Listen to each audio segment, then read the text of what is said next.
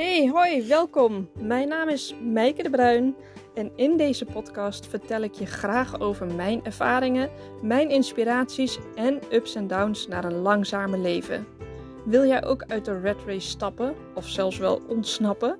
Leren hoe je jouw pad kan bewandelen en bewuste keuzes kan maken? Luister dan vooral naar mijn persoonlijke verhalen. Laten we beginnen.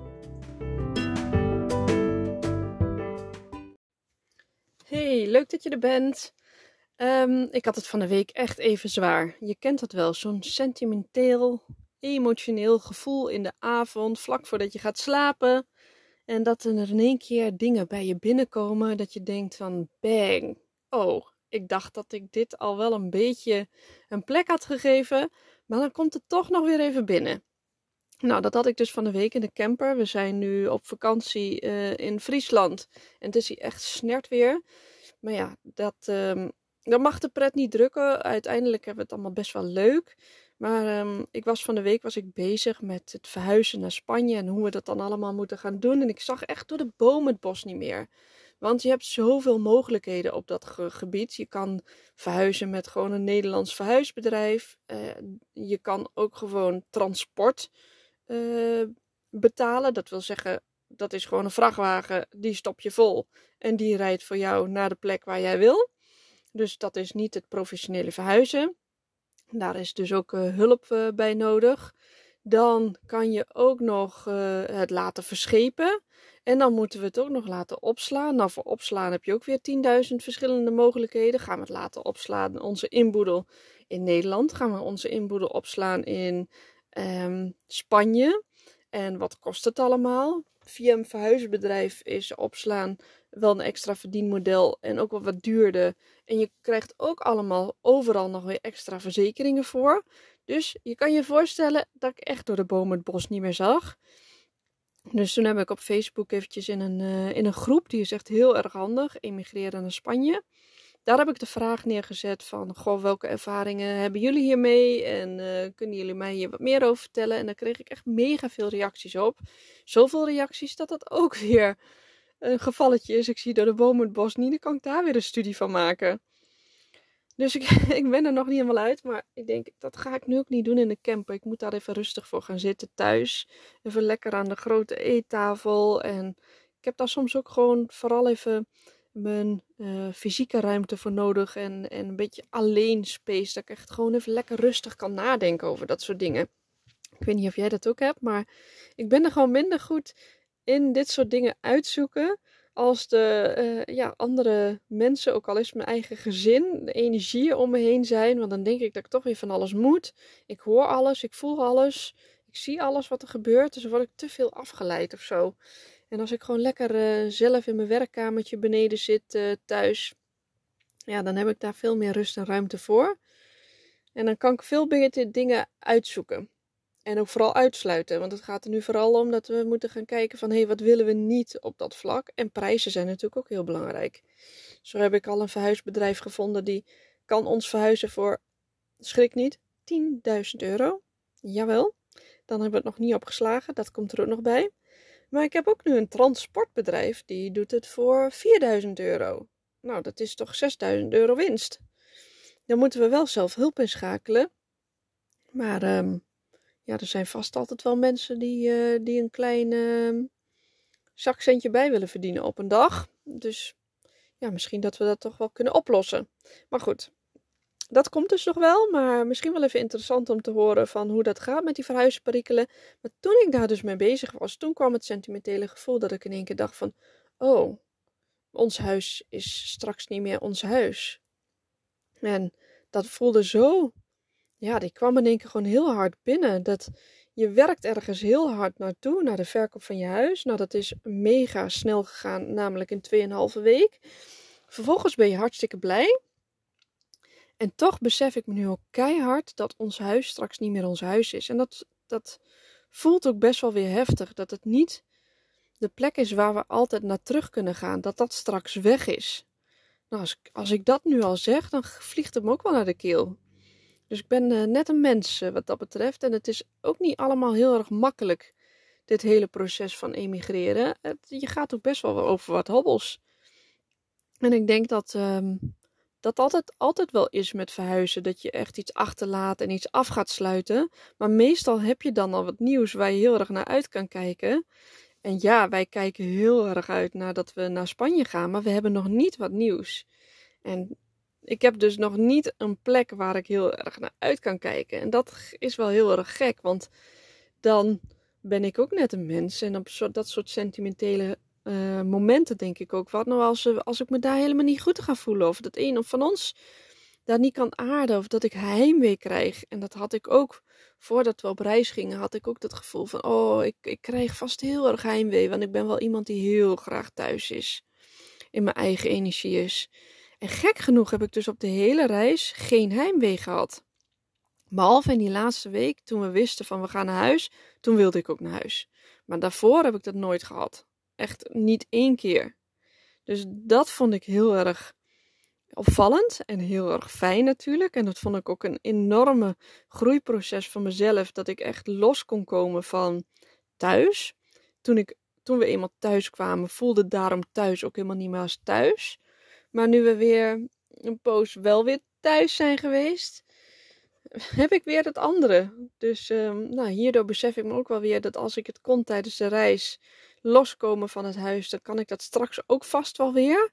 Maar toch dat sentimentele gevoel van echt afscheid nemen en onze plek die we nu zeven jaar lang met zoveel liefde hebben opgebouwd, is straks niet meer van ons, maar van iemand anders. En als we dan naar Gorsel terugkomen, want we hebben daar een vakantiehuisje gekocht. Ja, dan kom je dan langs dat huis en ik ben zo bang dat het pijn gaat doen. Dat ik, um, ja, dat het echt letterlijk pijn gaat doen. Dat je niet meer je oprit op kan en dat er misschien wel dingen veranderd zijn waarvan je denkt: oh nee, waarom hebben ze dat gedaan? En dat je echt moet loslaten. Echt ten diepste moet loslaten. Ja, ik denk dat het uh, loslaten van een, uh, van een kind nog echt een mega overtreffende trap is. Maar uh, dit is toch ook wel een, uh, serieus loslaatproces. En ik heb daar, ehm, ik, ik had daar last van. Ik moet zeggen dat, dat het de dag erna ook wel weer was weggeëpt. Maar nu ik het er weer over heb, komt het ook net zo heftig ook wel weer naar boven. En ja, het zal ook goed zijn. En ondertussen denk ik ook van, oh, hoe zal het dan voor de kinderen zijn, dat hele loslaten? vooral onze pubers die echt er gebeurt zoveel in hun lijf, om hen heen. Um, ja, voor hen is, is, is de wereld al wat ongemakkelijk en um, onzeker. En dan dit ook nog eens een keertje erbij. Dus uh, ja, ik heb ook echt mijn angsten. Ik heb ook echt mijn onzekerheden. En ik heb ook in mijn journal opgeschreven dat, denk ik, het proces, proces van bewust worden in je leven is ook echt eerlijk zijn over je angsten en je onzekerheden maar ook je dromen en behoeftes. En ik besef me dat ik heel vaak praat in, uh, in mijn podcast en binnenleef langzamer over je eigen dromen en je eigen behoeftes waarmaken. Maar de andere kant daarvan, uh, hè, donker en licht gaan hand in hand. En, de, en de donkere kant daartegenover is denk ik dat je echt eerlijk mag gaan zijn over je angsten en je onzekerheden. En dat het geen falen is en dat dat niet Um, dat het je niet minder maakt. Dat dacht ik eerder dus altijd. Ik, ik, ik was altijd iemand van ik ben sterk en ik laat niet het achterste van mijn tong zien. En achter gezeur altijd van mensen die dit hebben of dat hebben of zus hebben. Ik ben niet zo. Ik kan gewoon door. Ziek zijn? Nee, dat doe ik ook niet aan, weet je. Zo stond ik erin. En ook uh, trauma's en al dat, dat. Ik vond het allemaal zo zweverig om echt terug te gaan naar je verleden. Ik zei altijd van ja, waarom zal ik teruggaan naar mijn verleden? Ik heb het opgeruimd, zit in een laadje en klaar. En nu ga ik dat juist wel aan, dat verleden. Ik doe nu precies het tegenovergestelde als wat ik altijd uh, dacht dat niet nodig was. Maar ik zie dat het gewoon heel erg prettig is om eerlijk te zijn over mijn angst en onzekerheden. En dan bedoel ik niet dat ik eerlijk moet zijn tegenover een andere, maar gewoon echt eerlijk zijn naar mezelf. En dat ik daardoor veel meer mijn uh, kind ik omarm. Waarvan ik eerder ook al altijd dacht van wat een onzin. Maar nu zie ik echt dat het mij heel erg verder helpt in mijn dromen en behoeftes waarmaken.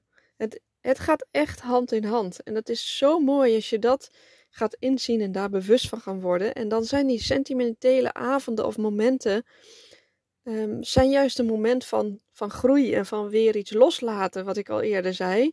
In plaats van dat het iets negatiefs is. Zo zie ik het ook niet meer. Eerder kon ik daar echt helemaal in verzanden. En dan dacht zie je wel, het is niet goed. Het is verkeerd wat ik doe. Ik neem de verkeerde beslissingen. En nu denk ik, nee, het is juist heel goed dat ik het voel en dat ik erbij stilsta en dat het er mag zijn.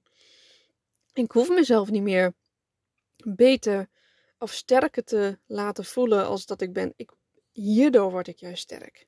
Dit maakt mij juist heel erg sterk. Dit maakt dat ik gewoon een goed fundament heb om dit avontuur aan te gaan en die droom echt waar te gaan maken. Nou, ik voel het in, in al mijn cellen. Ik, ik uh, merk ook aan mezelf dat ik uh, uh, ja, in een hele fijne energie zit.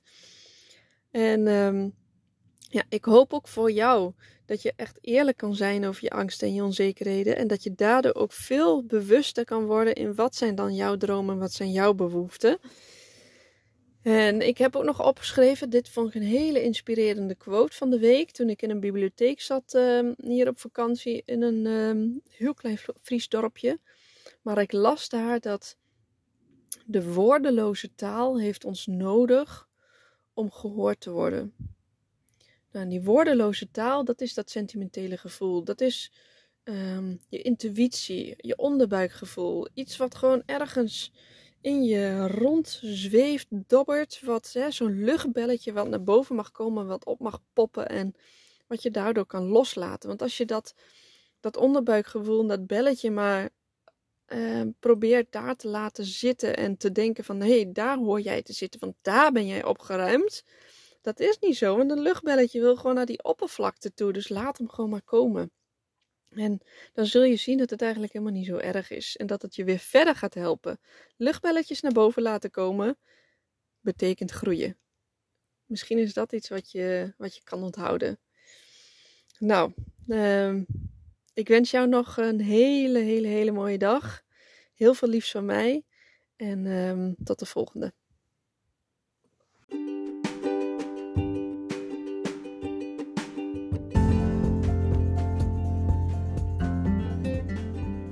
Hey, dankjewel voor het luisteren. Neem ook vooral even een kijkje op mijn website leeflangzamer.nl. Daar kan je in de shop onder andere de drie-stapsmethode vinden om achter jouw passie te komen. En ook het geluksjournal staat hier. Die is zo waardevol omdat het jouw kompas wordt in je leven. En je vindt hier ook mijn programma Van Gedoe naar Geluk. Ik ontwikkel allemaal dingen die mij hebben geholpen en nog steeds helpen naar een langzamer en gelukkiger leven. En als je deze podcast nou leuk vond, wil je hem dan alsjeblieft delen op je socials en praat er vooral ook over. Heb nog een fijne dag, veel groetjes en liefst, dankjewel, doeg!